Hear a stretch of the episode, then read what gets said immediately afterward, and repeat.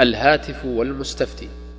جميلة طريقة ذلك المستفتي الذي يتصل على المفتي قائلا السلام عليكم ورحمة الله وبركاته.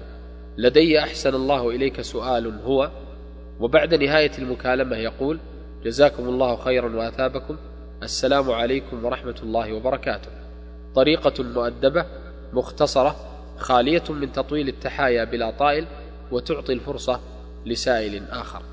لكن ماذا هنا من المحاذير؟ وماذا هنا مما يقع من الأذايا؟ الأسئلة المفتعلة لاختبار فقه المفتي.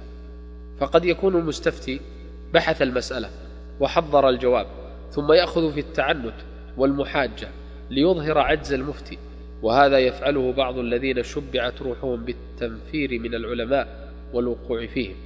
ومن طريقتهم أيضا الأسئلة المفتعلة لمعرفة انتماء المفتي فيعمدون بعض الشباب المتدين المغرر بهم لسؤال المفتي عن موضوع كذا ليثبتوا له أنه صاحب بدعة على مشربهم الموغل في الغلو وإيجاد الفجوة السحيقة بين العلماء وشباب الأمة.